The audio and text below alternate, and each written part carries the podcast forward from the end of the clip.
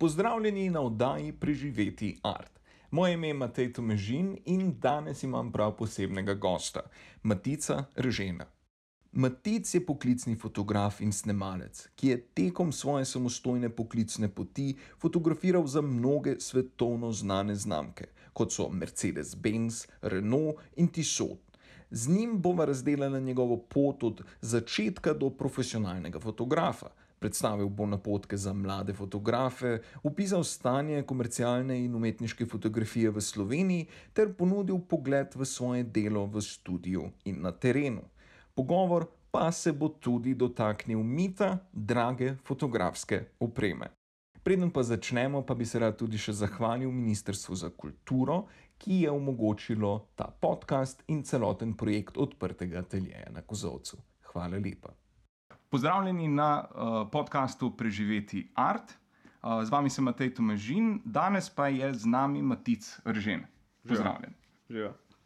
Um, v bistvu, da kar začneva, da nekaj poveš malo o tem, kaj, kdo si, kaj počneš. Um, ja, v bistvu se ukvarjam s fotografijo, pa videom, pa neko malenkost tudi z grafičnim oblikovanjem. Um, vse to skupaj traja že nekaj dobrih 13 let, tega malo bolj resno zadnjih 10 let. Um, poskušam, očitno uspešno živeti od tega. Um, tako da, ja, to je na kratko to. No. Kako se je pa začela ta zadeva s fotografijo? Uh, v bistvu se je vse skupaj začelo, ko sem našel očetovega Zenita. Tako da filmski fotoaparat, sicer brez filma, ampak takrat so se potlej začela vsa vprašanja. Od starosti aparata do tega, kdaj je oče začel fotkati z njim, pa koliko je fotkal z njim, pa kje so kakšni stari filmi, in tako dalje. Um, to, to je bilo od samega začetka, to sicer je bilo pa malo kasneje, pred 12. v bistvu. Um, je oče takrat prvi služben digitalen fotoaparat prinesel domov in takrat si v bistvu vse skupaj nekako začel. Od tega, da pač je bila itak klasična prepoved uporabe, ker je to službena stvar, ne? uh, in pač otrok pred 12 leti tega nima kaj v rokah držati, um, kar zaradi česa je bilo vse še toliko bolj zanimivo. Ne? Top, top. Sploh zaradi tega, ker ne smeš ponoviti. Naj, na, ta prva stvar, ki boš je da. Ta prva boš. stvar, tako je. uh, Kaj se je pa v bistvu zdaj spremenil ta kot neko raziskovanje oziroma hobi v odločitev, da želiš zasedovati to tudi profesionalno? Ne? E, to se je pa v bistvu v srednji šoli začelo, um, ko smo v bistvu tudi kupili prvi domač digitalni fotoaparat, ki ga mi je bilo dovoljeno malo več uporabljati. Um, in se je v bistvu cela zadeva potli v srednji šoli razvila do tega, da sem s šolskim fotoaparatom uh, pokril tistih nekaj um, dogodkov, ki smo jih imeli na leto, um, predvsem pa, pa športnih, se pravi, začel sem z odbojko in košarko, to, kar mi je bilo najbolj domače, ker sem jih pač tudi treniral prej nazaj. Um, tako da od tle nekje je potli izrasla neka želja potem, da bi mogoče pa se s tem malo bolj redno ukvarjal, pa mogoče malo bolj uh, profesionalno, ne samo za pač lastno veselje. Um, tako, da, tako da, ja, malo bolj resno sem pa v bistvu svoj prvi fotoaparat, sem um, zrcalno-refleksni digitalni kupil po 18. Um, sem zaslužil čez poletje nekaj denarja. Tako da takrat se je malo bolj resno začelo polniti tudi prve plačene zadeve, um, športne, se pravi za klub, um, odbojkarski smo delali nekaj stvari, tako da takrat so se malo bolj resno začele stvari. Zdaj, tle razmišljam, ne, uh, se spomnim, ko sem jaz sicer ne v fotografiji, ne, ampak ko sem prvič začel nekako ugotavljati, da nekaj, kar rad delam, uh Mhm. -huh. je lahko tudi uporabno za to, da kaj zaslužimo tega. Ne.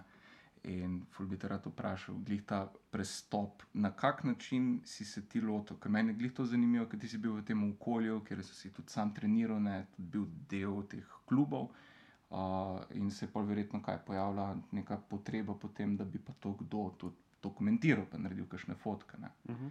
Uh, in meni se zdi glih to izredno zanimivo, kot mogoče za koga, ki to posluša, ki še ni prišel do te točke, da bi začel uporabljati svoje vem, znanje ali pa zanimanje ali pa nek hobi, ki ga ima rad, glih za.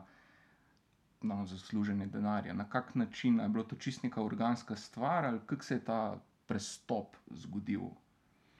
Ja, v bistvu je bila nekako, oziroma je ponovadi nekako najlažje, da, da narediš nek preskok iz hobija v biznis.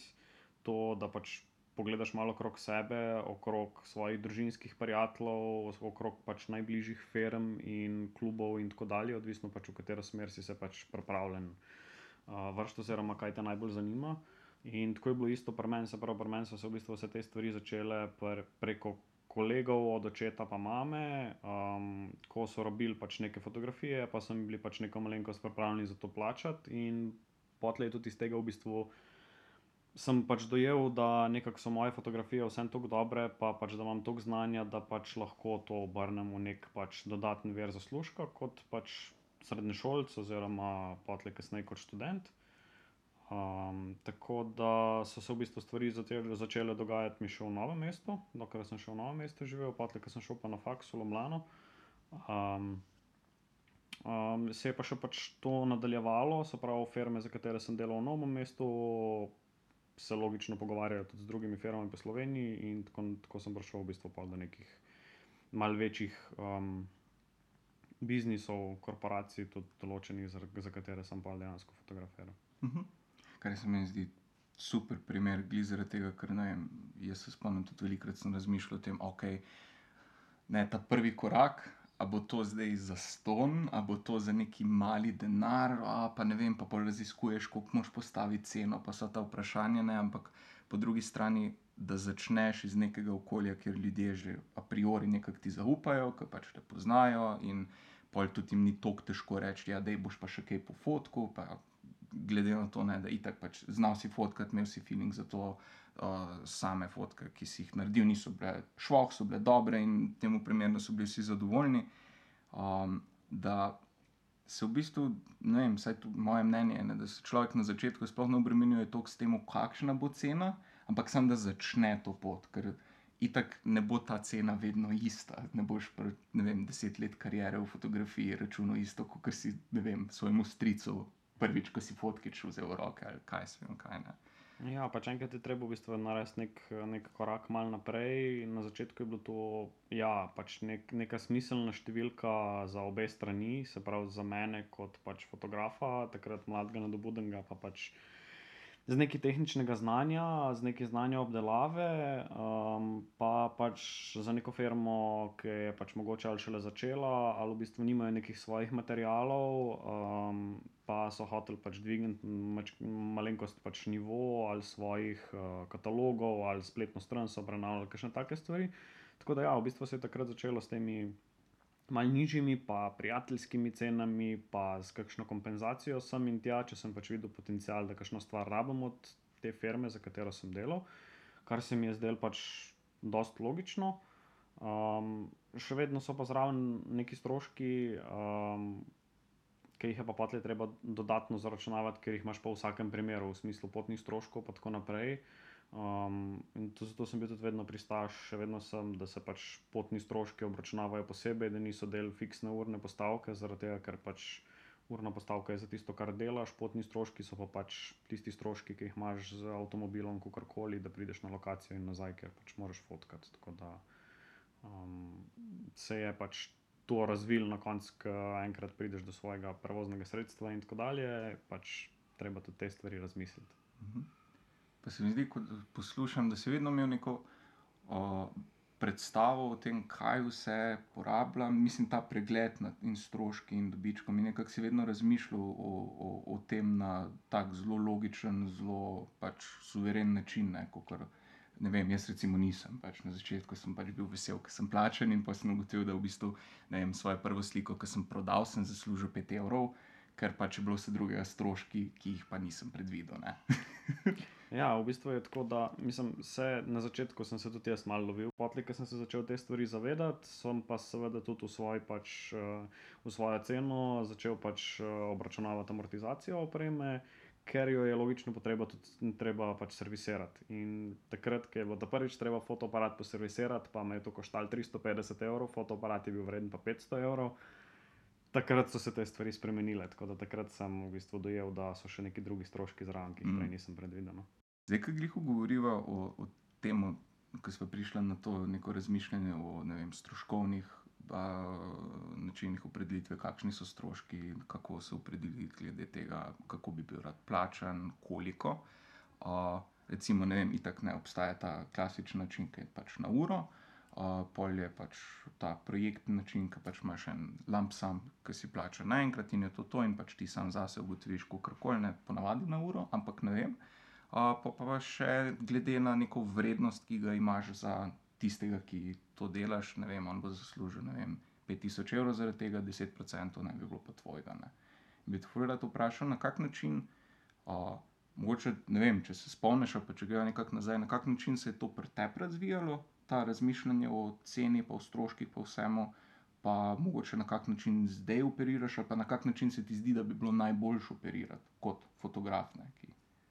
ja, zdaj je pač pri meni v bistvu zelo različno, ker jaz delam pač vse, vse, vse type fotografije, se pravi, ne delam samo komercialne, ampak imam pač tudi uh, in poročno in vse ostalo. Um, tako da tle, tle imam v bistvu jaz razdeljen nek cenik na pač tri ali pa štiri različne um, type fotografije, in potlej znotraj teh tipov so načeloma tudi pač zahtevnosti. Ne? Pri komercialni fotografiji, recimo, spoh, kar se izdelkov pa tega tiče, um, imaš recimo izdelke, ki so fulacevni, ful svetleči in jih je logično ful težje fotografirati, več časa traja, da prepraviš studio in tako dalje. Pa načeloma je ful več obdelave, kar pomeni, da je cena drugačna, kot je za mhm. nek pač neodseben produkt, oziroma um, ki ga je pač lažje, lažje za pofotkati. Uh, in v bistvu je pač pri pri postavljanju cen mi je že pri samem začetku ful, ful pomagal Glih Jure Makovec. On mi je takrat povedal, ker sem ga vprašal po prvih dveh porokah, ki sem jih logično naredil za žlahto, pa pač um, kolege uh, in so bile pač res narejene za, za drobiš. Uh, sem ga vprašal, ok, fotkal sem poroke. Začel sem dobivati popraševanja, ko so ljudje videli, da, da fotografiram tudi poroke, um, kako naj postavim ceno, ka, kakšno ceno naj postavim. Um, rekel mi je, da, da naj ne začnem nikakor s prenisko ceno, ker jo bom zelo, zelo težko upravičil, takrat, ko jo bom dvignil. In uh, rekel je, ustraja pri svoji ceni, poračunaj si, koliko si vreden, veš, kakšno znanje imaš, veš, kakšno opremo imaš veš približno, koliko časa ti vzame na poroki in koliko časa ti vzame po poroki neka zadeva. Um, potegneš neko črto pod to, uračunaj si zraven potencijalen servis za fotoaparat oziroma karkoli drugega. Uh, in pač postavi tisto, kon, tisto končni seštevek um, cene, um, in pač to sporoči naprej pri tvojem povpraševanju. Rekl mi je že takrat, da zelo verjetno bom pač kar nekaj strank na začetku zgubil, ker se jim bo zdela cena previsoka, glede na to, koliko malkrat sem pač določeno zadevo delal, v tem primeru je bila to poročna fotografija. Ampak kljub temu, da pač nisem imel količinskih izkušenj, je bil pa rezultat že od samega začetka zelo dober. Tako da sem v bistvu ustrajal pri tisti svoji ceni in recimo sem v naslednjem letu samo eno poroko naredil sem jih pa za to leto kasneje naredil 8, za tisto ceno, ki sem jo postavil. Tako da, um, predvsem to ustrajati pri neki svoji ceni od samega začetka, ko vidiš, da si sposoben neke stvari kvalitetno narediti, oziroma na nivoju nekih ljudi, ki že dalj časa to delajo. Uh, ustrajati, ker se bodo pojavile stranke, ki bodo pripravljene to plačati in pripravljene plačati tudi malo višjo ceno naslednjič, ko jo boš pač malenkost dvignil. Absolutno, absolutno. Je sicer težko, ne, sploh se mi zdi, ko sem bil mlad, vem, da, da bi razmišljal o ideji, kaj bo čez eno leto, že tako par mesecev je bilo čist nekje v prihodnosti, ne, ampak uh, vsekakor pač takoj, ko začneš, oziroma se prisiliš v to, da razmišljaš naprej, pa kaj bo dobro čez eno leto, ker quick man je kul, cool, ne, sem pokar naenkrat si tisti, ki dela za ne vem, 20% tržne cene, vse in pa kar pričakujejo ljudje, da pač bo še naprej. Uh mhm. -huh. Kaj meni se zdi, da je to zanimivo, ker velikrat uh, si mogoče kdo predstavlja, če bom jaz dal neko nizko ceno in pol bom jaz. Ker bom to dobro naredil, zihar bom dobil ta job, ker bom to poceni, mhm. ampak pa bom pa lahko jaz višjo to ceno. Ne? Ampak v bistvu stranka, s katero si delo, pričakuje isto ceno, mogoče malo več, če bo projekt večji, ampak ne, ne pač samo zato, ker pač se tebi zdi, da si več vreden. Obenem pa tudi njihovi kolegi so ponovadi tisti, ki pač operirajo z isto ceno. In si samo pač sporočil tistemu delu sveta, ki rabi budžet, ki rabi popuste, da si ti eden, ki pač ima popuste. A, Točno tako. Jaz sem isto na začetku pač razmišljal o taki smeri, ker je bil jih to pač moj odgovor njemu nazaj. Sem rekel, ok, pač jaz bi rad zaslužil 700 evrov za poroko, to je bilo takrat, ko sem začenjal. Um, imel sem recimo dosti drago opremo, ker sem si jo pač takrat lahko prvoščil. Pač živel sem še doma, pri starših nisem imel svojega avta, nisem imel nekih hudih stroškov in sem pač dal vse v fotoopremo, ker se mi je takrat zdelo to ful pomembno. Ne? In uh, sem ga vprašal, pač, ja, ok, pač jaz bi rad 700 evrov na poroko zaslužil, ampak ne bom naredil nobene, recimo naslednje leto. Zakaj ne bi naredil šest porok za 300 evrov, ne? pa bom zaslužil pač na koncu eno lepo vsoto denarja, pa po recimo, pa je rekel, ja, lahko bi, sem pa boš tudi naslednje leto naredil jih šest za 300 evrov. In ko boš dal naslednje leto kolegu nekomu od teh, ki si naredil za 300 evrov, ceno 600 evrov, te pač ne bodo vzeli, oziroma te bo vprašal, zakaj pa pač je zdaj cena enkrat više, kot si jo računal mojemu kolegu, če bom dobil na koncu zelo podoben rezultat. Ne? Ja. Ja, ja. Pa ne, da ne bi mogel pol tudi to ceno višati, vsako lahne, sam ne pa da pol, ker čez noč prideš na neko ceno, ki si jo vedno želel. Tako, ja. Pa verjetno plus tega biti nekje za 300 evrov, takoj ko presežeš 300 evrov svojega budžeta, začneš sprašovati se, kaj točno delam, tle pa verjetno tudi ni niti rezultat dober, niti počutje samo ni dobro in zgubiš ta nek drive, ki si ga imel na začetku, sploh delati nekaj, kar te Tako, ja. veseli. Ne. Se mi zdi zelo zanimivo, to, kar si rekel. Ne. Ko si bil doma, si imel to možnost, nisi imel toliko stroškov in si si lahko prvoščil počakati. Ne.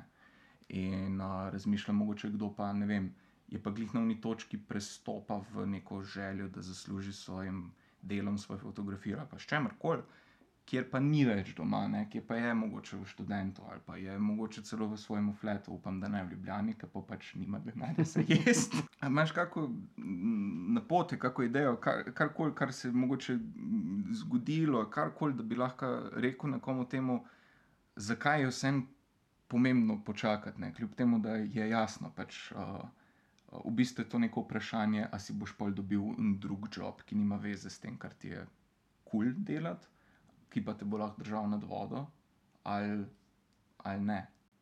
Ja, zdaj v bistvu se mi zdi, da je zdaj trenutno malo lažje, kot je bilo takrat, ko sem jaz začenjal, zaradi tega, ker zdaj vseeno in študentski servisi in vse ostale zadeve ponujajo tudi, se pravi, fotografijo, oblikovanje, video in tako dalje.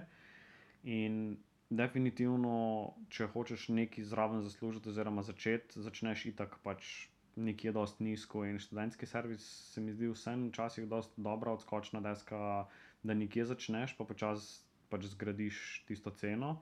Um, je pa res, da pač to vse ne treba razmišljati v neki tej smeri, da dokler da delaš to, sem dokler nimaš res za pokazati nečesa, na kar si ponosen, na kar veš, da je dosti dobro, da je vredno več, kot si bil zdaj, recimo, plačan na uro preko študenta.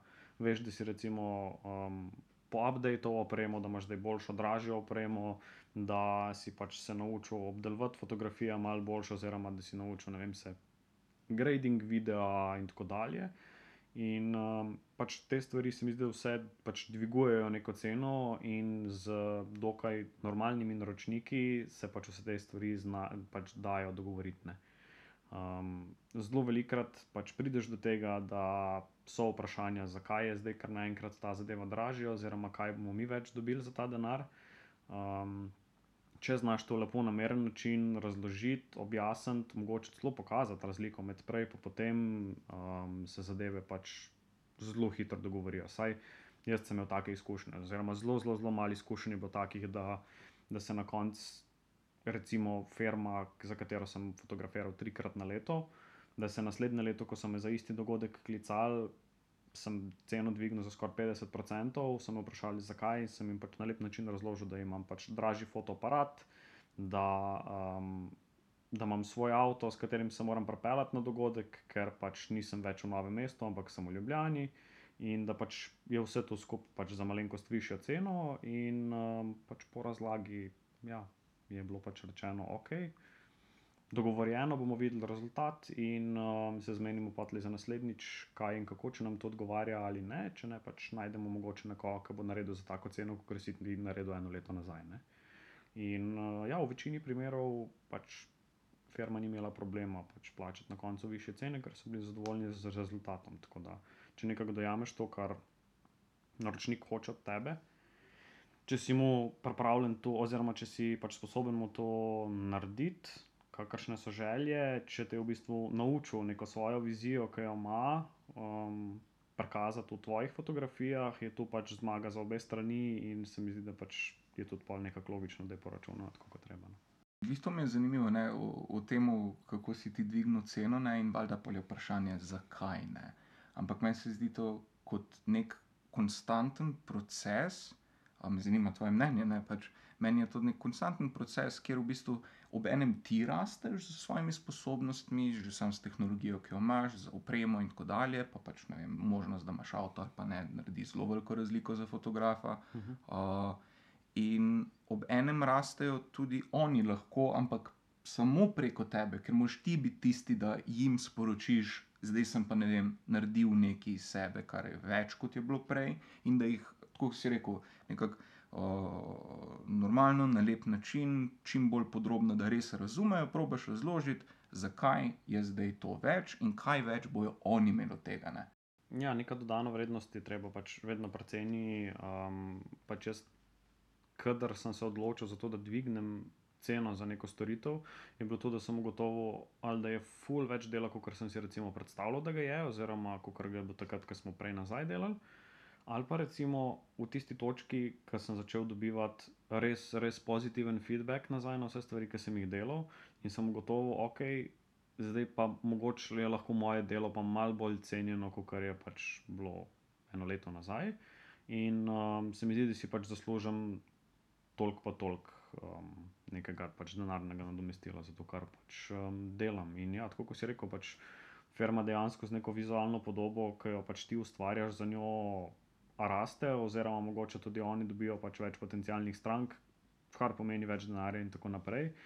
In um, tudi pač tehničen aspekt vsega tega, če je boljša oprema, oziroma drugačna, bolj primerna oprema, ne nujno boljša, dražja, mhm. ampak pač bolj tehnično primerna. Lahko stranka potencialno vidi, vem, kako kvalitetno je njihov izdelek narejen. Um, tega, recimo, iz prejšnjih fotografij niso videli in se zato niso odločili, in evo, pač tako je neka rast v bistvu za, za podjetje. Ne. Tako da se mi zdi, da kjer transparentno pokažeš človeku, ki se odloča za to, ali bo pripravljen plačati višjo ceno kot prejšnjič ali ne. Če mu pokažeš to na nekih realnih primerih, ker seveda pač ni iz istega foha, ki si ti in pač tega ne ve, dokler mu ne pokažeš, ni problem pač mm. utemeljiti neke mm. više cene. Mm. Vse je v bistvu samo pač, koliko si in zmožen, sposoben, in koliko si časa vzameš skomunicirati svojo stran, kot si rekel. Tako, ja. pač fotograf ni vsak, noben ne bo kar ne vem, se rodil in prepoznal razliko med dobro in slabo fotografijo, če bi jo posebej videl, mogoče malo, ne, ampak ko daš pa zadeve skupaj, verjetno je to tudi pri kakih porokah, ki se dogajajo za ne vem. Grozno poceno, pa pojjo nekako ugotovijo, da so kolegi imeli pa malo boljšega fotografa, ki realno zna delati te mhm. stvari. Uh -huh so poj te, ki jih daš skupaj, vprašanja, zakaj pa nismo več dali. Ampak uh, se mi zdi, da je vse, naloga vseh nas, ne, da v bistvu ni neko prepričevanje ljudi v to, da si ne vem, kako dober, kaj se vem kaj, ampak da je skoraj samo iskrena komunikacija. In pol spet ne pač pustiti, da lahko oni rečejo ne, ker eni pa pač ne bodo rabili tako dobre fotke, moč pa čez pet let ali pa čez tri. Ja, tako mogoče pač v tistem trenutku niso na točki, ki so pač ali sposobni dati toliko denarja, oziroma lahko pač tega nimajo v letnih planih, ker večina podjetij ima večjih ima letne plane in pač niso pripravljeni take številke pač dati od sebe. Um, se je pa že pač zgodilo, ja, ob zavrnitvi, da so pač vmes vzeli nekoga drugega, cenejšega od mene, niso bili zadovoljni z rezultatom in so me pač klicali, da sem jaz isto stvar naredil, pač malo kasneje. Tako da, ja, vse take stvari dogajajo, niso ne sicer ful velikrat, spoh ne zadnje čase, um, prej nazaj pa definitivno. Ja.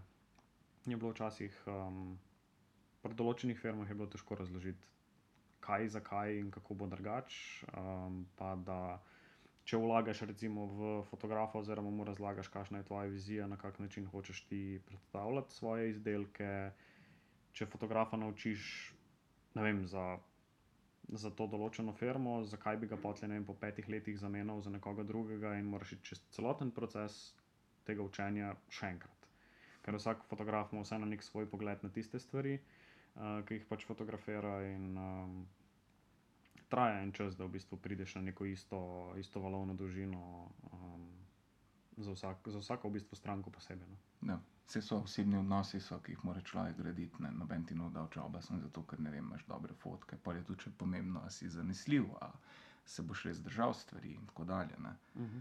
Na kak način pa se je spremenilo? Se ti zdi, da so zdaj naročniki bolj odprti in bolj razumevajoči do te ideje fotografije, ki je mogoče ne vem, estetski del biznisa, ki ni tako važen, nima nobene logistične funkcije in tako dalje, ampak konec koncev pač brez marketinga podjetje danes, mi zdi, da skoraj ne obstaja. Ne? Ampak na kak način, zdaj gli za to, da imaš tako dolgo obdobje, v katerem si delal kot fotograf, za naročniki, skoraj že od začetka. Ne? Na kak način se je ravno ta sprememba nekako pokazala v tem času? Ja, zdi se mi, da na začetku, um, mislim, takrat, ko sem jaz začel, se pravi, če rečemo nekih 15 let nazaj, um, ni bilo ne socialnih omrežij, um, ne pač online oglaševanje, je bilo zelo, zelo redko. Imeli smo pač TV, imeli smo billboarde, imeli smo pač tiskane oglase, zdaj so se pa večina zadev se pač preselila um, na neke elektronske medije, um, pa naj bo to na avtobusih, na avtobusnih postajah, na VC-jih, kjerkoli drugje, pač zdaj imamo že posod pač v digitalnih oblikah vse zadeve.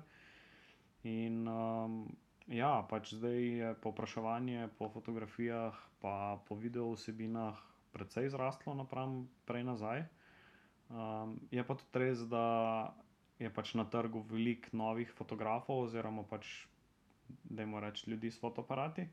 Um, ker je pač oprema ratala tako dostopna, pa tako dobra, da dejansko vsak, ki ima pač malo mal več časa, pa ima pač malo feelinga za delati s fotoaparatom. Je že lahko fotograf in seveda pač to naredi za dosti nizko ceno. Um, in firme so pač načeloma do nekega momento to pripravljene plačati, dokler pač rezultat ni pač več tisto, kar so oni hoteli od tega fotografa. Um, tako da, ja, no, pač moram, moram reči, da zaenkrat, um, odkar je šla ta smer full digital napram prej nazaj, um, je popraševanje po fotografiji pa video full, full, full večje, kot je bilo prej nazaj. No. Mm. In s tem, ja, kot si rekel, pol tudi ponudba. Tako je.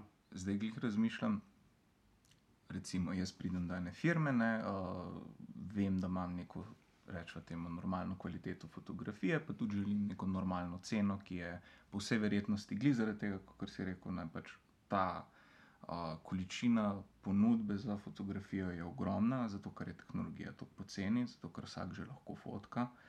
Kaj lahko jaz naredim, na kak način lahko jaz to skomuniciram z katerim koli naročnikom, ali je mogoče ok, da imam jaz realno primere, ali je to nekaj, kar se ne dela. Ne vem, da bi imel recimo primere, ne vem, razmišljam pa če ne par drugih fotografov ali pa nasplošno svoje primere, slabe in dobre fotografije, narejene po tem, kaj sem videl, ali na kak način bi lahko jaz to predstavil njim, da bi bilo zelo jasno. Ali pa vsaj precej bolj jasno, neko kar reči, ja, sem pa boljši. Ja, jaz uh, mislim, da sem načeloma kar pristaš nekega portfolija. Um, prej sem imel pač neko tiskano verzijo tega portfolija, zdaj je pač vse to v digitalni obliki. Ampak um, ja, pri določenih firmah, recimo, um, za katere sem pač čutil neko. Nek oseben stik z njimi, se pravi, ne vem, ali je bil to odbojkarski klub ali je bil to košarkaški klub, karkoli, to, kar sem pač na začetku največ delal. Uh, In sem pač sledil jim na Facebooku, na Instagramu, kjerkoli sem videl, pač, kakšne fotografije imajo, in se mi je zdelo, da si pač zaslužijo boljše fotografije. Sem pač nekako pristopil do njih s tem svojim portfoliom. Povedal sem, da je moj, to pač zgolj moje mnenje, da pač so te fotografije, oziroma da si firma zasluži boljše fotografije. In nekako pristopil s svojim portfoliom, da pač to sem jim pa pripravljen jaz ponuditi za pač neko tako pa tako ceno. Um, pa da pač se naj odločijo, če vidijo potencial v tem, da dvignejo kvaliteto fotografij, ali mogoče pač to ni zanimivo. Tako da nek portfolio iz neke, neke um, enake ali pa podobne smeri, prek katerega lahko ti pač prepričaš človeka, ker vseeno se mi zdi, da smo še zmeraj, mislim, saj jaz sem full vizualen tip človeka in pač hočem stvar videti. In večina ljudi, sploh pri fotografiji, pač hoče videti, kaj je razlika. In ko mu ti tako pokažeš črno na belem, pač se ponavadi um, dojame razlika in pač lahko utemeljiš potlej, zakaj si ti boljši, oziroma zakaj je mnenje tvoje, da si pač boljši od tega, kar je bilo prej narejeno. Mm, mm. Pa glih prej, ko smo govorili o tem, ko si govoril o tej masi zdaj ljudi, ki imajo fotoaparate, ki je prišla nekako na trg. Pa bi te vprašal, kakšno je kaj stanje zdaj trga fotografije v Sloveniji? Tako, no, mislim. Um, tako kot sem prej rekel, če dalje več je ljudi s fotoaparati. Um, tako kot malo spremljam te mlajše fotografe, um, moram reči, da pač vidim full, full potencijala v nekaterih, predvsem. Malo je lažje, recimo zdaj, ko imamo tukaj nekaj informacij dostopnih na internetu, prej nazaj, pač jaz sem celotno svojo učenje v bistvu iz knjig, digitalna fotografija, um, pa recimo iz pač e-fotografija foruma in tako naprej, ker sem pač svoje fotografije objavljal, pa so mi jih starejši drugi fotografi pač konstruktivno komentirali. Sem se ful veliko naučil iz tega, zdaj je pa pač informacije en kup dostopnih na internetu in se mi zdi, da je pač ta rast fotografa lahko ful, ful krajša, kot je bila prej.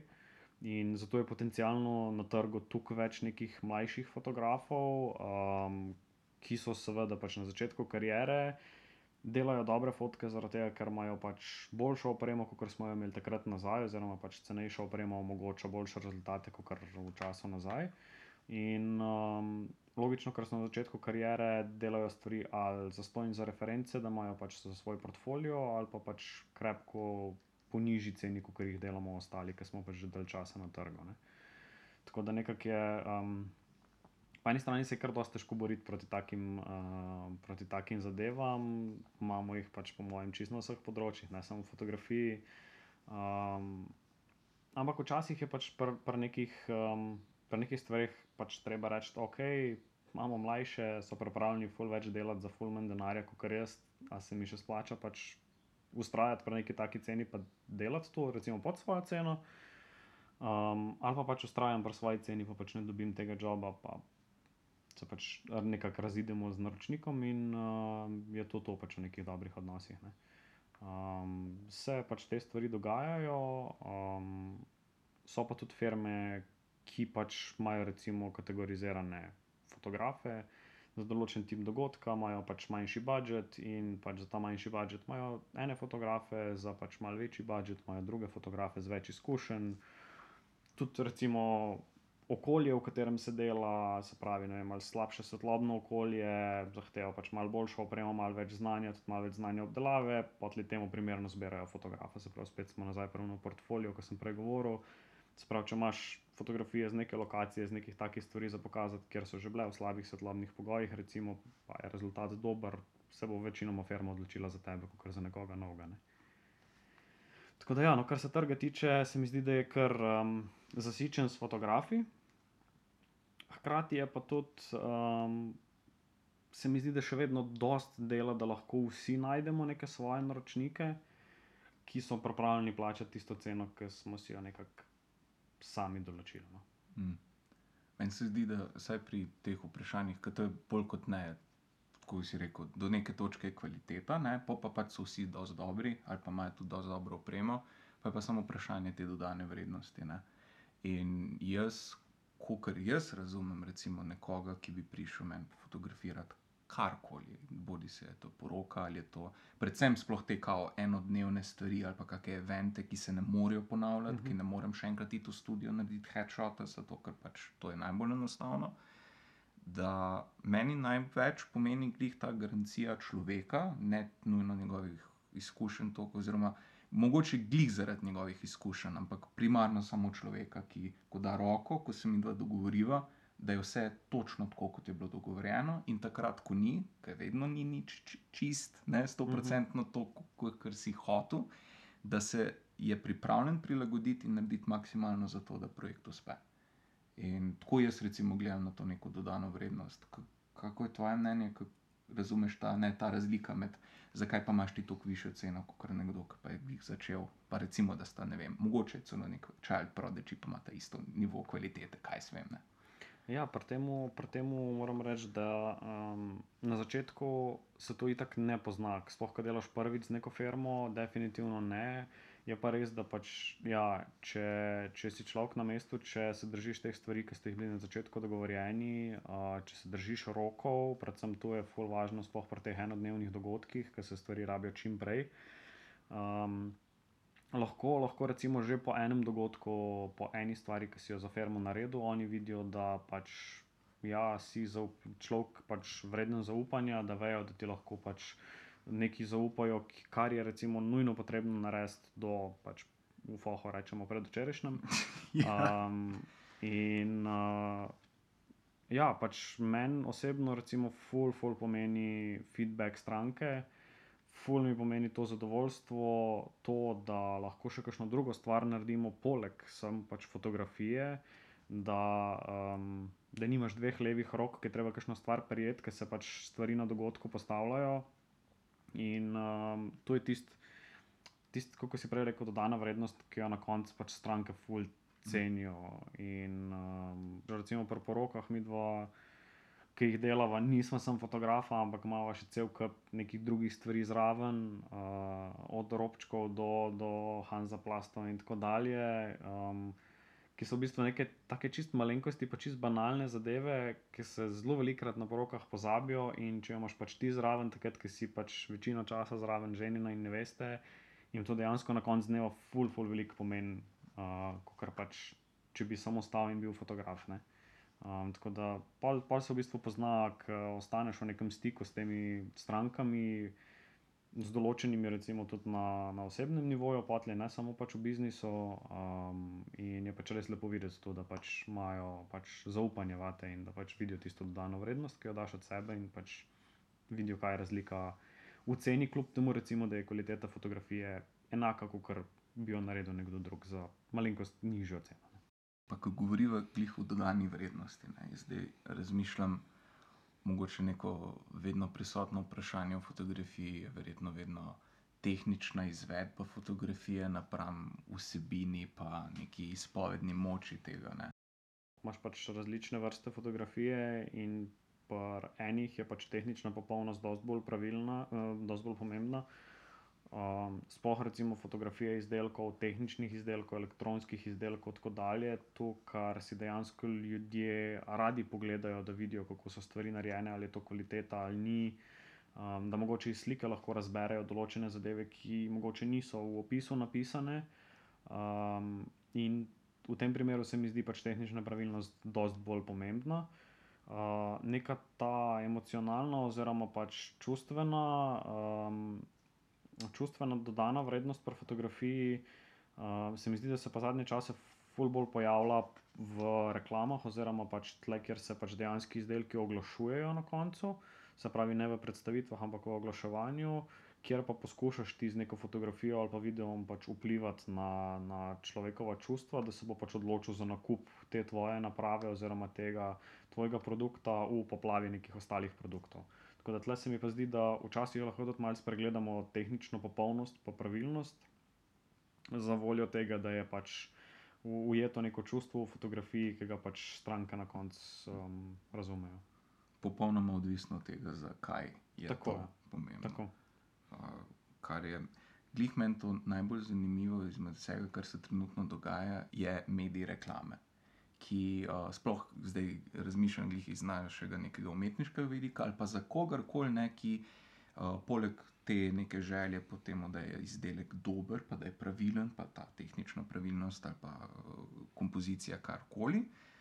Da si želi dati tudi neko izpovedno noto, neko sporočilnost v svoje delo, in je pa vedno vprašanje, ne, joj, kako pa naj to naredim, ker pač sporočilnosti nekaj drugega, tehnična pravilnost je objektivna, načeloma, čeprav ne čist, ampak pač ne. Večina se bo strinjala, da zlati res je lep, mogoče kdo bo rekel, da ne, to je to. Ampak ne bo se pa večina strinjala, da je ne vem, neka fotografija jabolka lepa, zato ker ne vem, govori o kaj svem, komunizmu, ne vem, kar neki. Ne. Uh, osebni pogledi na stvari so zelo kompleksni. In glede zaradi tega, ker so kompleksni, tudi veliko ljudi ne pride do točke, da bi lahko delalo točno tisto, kar si želijo. Ne? Ampak pol morajo delati neke, ne vem, stranske ulice, ki so nekako povezane s tvojim modelom, sem ne čist, pa vedno čakaš na neko stvar, kjer bi lahko. Ne? In uh, ponovadi, ker pač ni denarja. In glede zakaj meni reklama zanimiva, je zato, ker je v bistvu vedno bolj pogost medij, ki ga vedno več ljudi, firm rabi, vedno več denarja je v, v marketingu. In v bistvu ta medij dopušča to svobodo izražanja. In vse, kar je treba, je, da pač namesto da gleda človek, da ne, ne bom šel za Coca-Colo fotkat, ker se bom prodal za ne vem kaj.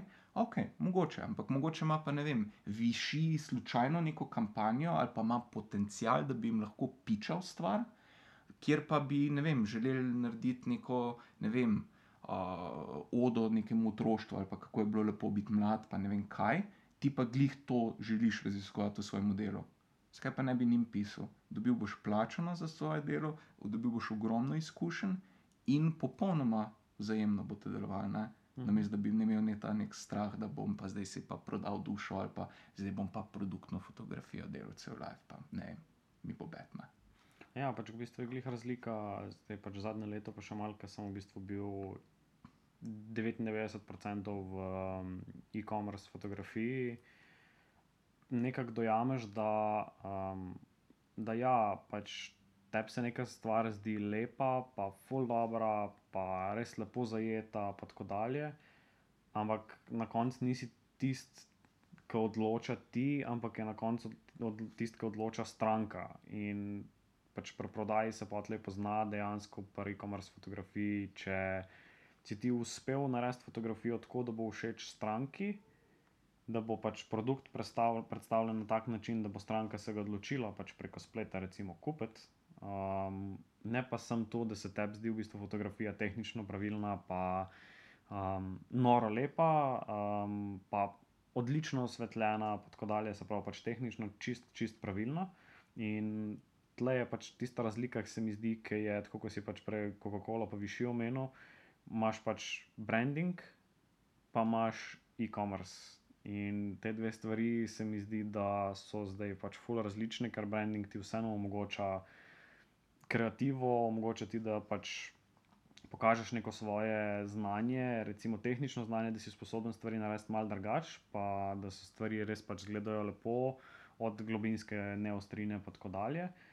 Pri prodajnih videih, pa pri prodajnih fotkah je tega pa pač če dalje manj, mora biti pa pač usmerjeno res po prodaji, oziroma pač moraš stremeti k nekim, um, nekim smernicam, ki jih pač narekujejo kupci, ne pa pač mi kot prodajalci oziroma Mm.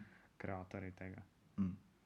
Kakšno je pa tvoje mnenje glede stok fotografije? Ker to se mi zdi kot neko zanimiva izpeljanka glih tega, ne pač jasno, absolutno se strinjam, pač tvoj podarek na tem, da je treba za končno stranko, ki je lahko ne samo tisti, ki te plača, ampak realnost tisti, ki bo uporabil fotografijo, je nek uporabnik, ki ga je treba razumeti, treba narediti nekaj zanj. Uh, Obenem je pa zdaj vedno bolj popularna ta stok fotografija, ki pa v bistvu je pa na nek način popolnoma kontra. Ti nekaj narediš in upaš, da bo obstajal nekje daljno, nekje v svetu, nek uporabnik, ki mu bo to všeč. Ne?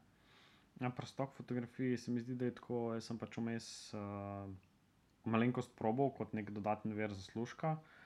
Pa sem zelo hitro ugotovil, da če se odločiš za stok fotografijo, moraš biti res samo v stok fotografiji. Ker v bistvu, kot sem prej za e-commerce fotografijo rekel, moraš dejansko spremeniti mišljenje kot fotograf in moraš delati tisto, kar ljudje hočejo, ne tisto, kar je tebi všeč. In um, tisti, ki so sposobni razmišljati tako delč, da vejo, kakšne fotografije se iščejo, um, pač po mojem, morajo tudi večino časa delati raziskavo na trgu, katere fotografije, fotografije se največ prodajajo, in tako naprej. In um, ja, pač se prostok fotografij je pač pomemben del um, celotnega fotografskega spektra. In po mojem, ni firme, ki ne bi vsaj enkrat uporabila nekih stok fotografij v svojih materialih, reklamnih ali pa pač um, prodajnih. Um, in se mi zdi, da mora obstajati.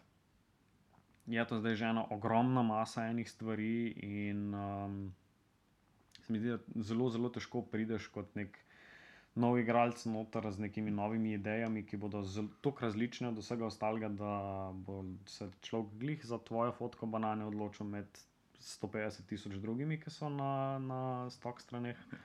Um, je pa definitivno, ja, pač komplet obeh zadev, se pravi, in, uh, in stok fotografije, in fotografije po naročilu, tisto, kar pač dela neko celoto, ker vsega pač enostavno ne moreš. Um, Vse, kar ima recimo potrebe današnja moderna firma, ki veliko oglašuje na spletu, ne moreš narediti po naročilu, oziroma pač in-house. V bistvu zelo rad bi te vprašal eno vprašanje, ki se mi zdi, da je tudi glitko, kot mogoče to vprašanje, glede uh, tehničnosti, dodelenosti, napram izpovednosti in temu, uh, precej prisotno v veliko katerem pogovoru in precej tudi raztegnjeno in prežvečeno, ampak po eni strani se mi zdi vseeno zelo zanimivo, ker smo se tudi prej, preden smo začeli snemati, na glihu temu pogovarjali. Uh, kakšno je tvoje mnenje glede potrebe po tehniki, potrebe po orodju, ki ga uporabljaš, se pravi, samo po tehnologiji, ki jo imaš, po opremi? Ja, v bistvu je tako, kot sem že prej omenil, je, je zdaj v bistvu neka, neka ta sled ful zabrisana, zaradi tega, ker so že pač fotoaparati nižne, nižjega cenovnega razreda ratali tako dobri, da praktično pač z opremo, ne vem, za tisoč evrov lahko narediš večino stvari, ki, ki jih pač. Um, um, ne, ne bom rekel, neka velika večina firm potrebuje. In um, se mi zdi, da prej nazaj se je pač ta um, dražja oprema, kvalitetnejša oprema, boljša oprema, res razlika poznala. Um, zdaj, ki je šlo pa vse to tehnika tako naprej, je pa pač praktično več ni. In edina stvar, ki je pa tle v dražji opremi, boljši opremi, je to, da pač tebi kot fotografu olajša delo. Se pravi, da določene stvari lahko narediš lažje, hitrejše. Um, mogoče malenkost boljše. Um, kar je pa na koncu, po eni strani, saj meni tudi zelo pomembno, ker pač time is money in pač če jaz lahko neko stvar hitrejše naredim, um, pomeni, da sem bolj cost efficient, kar pomeni, da mi realno pač več denarja ostane. In um, sem pristaš načeloma boljše, kvalitetnejše opreme, ampak hkrati to sabo potegne tudi pač više stroške servisov in tako naprej, tako da moraš v bistvu. Jaz si vedno poračunam, koliko časa me bo vsak upgrade opreme stal, preden ga bom pač prenesel nazaj. Se pravi, s temi stvarmi, ki jih recimo delam, dogodki, poroke in tako dalje, koliko porok recimo moram narediti, da bom pač en nov objektiv prenesel nazaj, da mi bo pač profitabilen in ali se mi pač to splača. Hmm. Hmm. Kaj pa dobi? kaj bi pa rekel nekomu, ki pa jih začenja? Recimo, da ni tako malo teh primerov, kjer pač imaš možnost si kupiti fotoaparat za 5 ur, brez problema. Pač finance ti dopuščajo. Uh, je to smiselno kot, mogoče kot naložba, ali je realno bolj smiselno vzeti eno opremo, ki te bo bolj forsirala v to, da se realno naučiš uporabljati fotoaparat, kot so se včasih učili uporabljati fotoaparat z popolnoma analognimi sistemi, brez, mogoče celo brez merilca svetlobe, ker si lahko vse samo ceniti. Po eni strani, jaz sem šel čez cel ta proces v bistvu full postopoma, se pravi od dnevnega kompakta, uh, klasičnega kompakta do mal boljšega kompakta, um, do v bistvu potlek prvega svojega zrcalno-refleksnega fotoaparata. In v bistvu sem šel praktično skozi vse range, ki jih je recimo Canon ponujal. In um, se mi zdi po eni strani to ful pomembno, da dojameš, kje so pač tiste limitacije, ki ti jih neka oprema um, ponuja. Ja, ok, pač če finance dopuščajo, si pač lahko prvoščeš boljši aparat, ampak boljši aparat načeloma ne bo pomenil boljših fotografij, če ne veš, kaj delaš. Tako da se mi zdi, da iti čez neko stopnjo, um, do, do katere ti pač ustreza določena oprema, ki je pač cenejša, pa jo nadgraditi potlej kasneje. Se mi zdi dosti bolj smiselno, oziroma dosti bolj priporočljivo, kot pa da bi pač zdaj zapravil neko večjo količino denarja za neko opremo, ki jo recimo na koncu praktično ne boš uporabil, sploh v smislu objektivov, če začenjaš s fotografijo, verjetno. Se ti zdi, da veš, kaj bi rad počel, lahko te bo pač zapeljalo pa čisto drugo smer, in pač neki nesmiselni nakupi na začetku, pač nekih posebnih objektivov, recimo, um, se mi ne zdijo, zdijo tako smiselni. No? Oziroma, bi, bi bolj priporočal, da se začne na nekih pač, uh, malenkost cenejših fotoaparatih, ki mogoče pač omogočajo že neke ročne nastavitve, um, kar pomeni, da ko prideš do neke točke, kjer boš vedel, kaj je čas, zaslonka, ISO in tako naprej. Da ti bo ta fotoaparat še vedno omogočal, vsaj ne vem, naslednje pol leta igranja z njim, na pač ročnih nastavitvah in tako naprej, potlej pa narediti pač korak, korak dalje, ko boš videl, da pač hočeš recimo nekaj denarja s tem zaslužiti, ali pa da ti pač ta oprema ne dopušča več tega, kar bi rad delal. Absolutno se strinjam. Vse meni se zdi, da v bistvu sama tehnologija, ki jo človek ima, ne, se mora zgoditi nek, neka iskrena fizična potreba po nečem, da o, zdaj pa ugotoviš, da ne vem, zdaj pa rabim hitrejši avtofokus ali pa sploh rabim avtofokus. Ker recimo jaz, ker delam za svoje fotografije, ki so vedno v, popolnem, v popolni osvetljavi, vedno je vse v studiu, nikoli ni nobenih stvari, ki bi se lahko zgodile, razen če pač luč crkne, ne? pač ničesar se ne more zgoditi, ni vetra, ni sonca, nič. Uh, delam vse na popolnoma manualnih objektivih iz vem, 40 let nazaj, na fotoaparatu, ki je 10 let skoraj star. In ni težav, zato ker so pač pogoji popolni. Ne. In uh, tudi nikoli nisem prišel do te želje, bi, oziroma potrebe, da bi prišel do avtofokusa, razen za tisto, kar snimam, pa vidi, tam pa pač. Moraš, nekak, če si sam sploh, pač vlog z manualno večjo delati.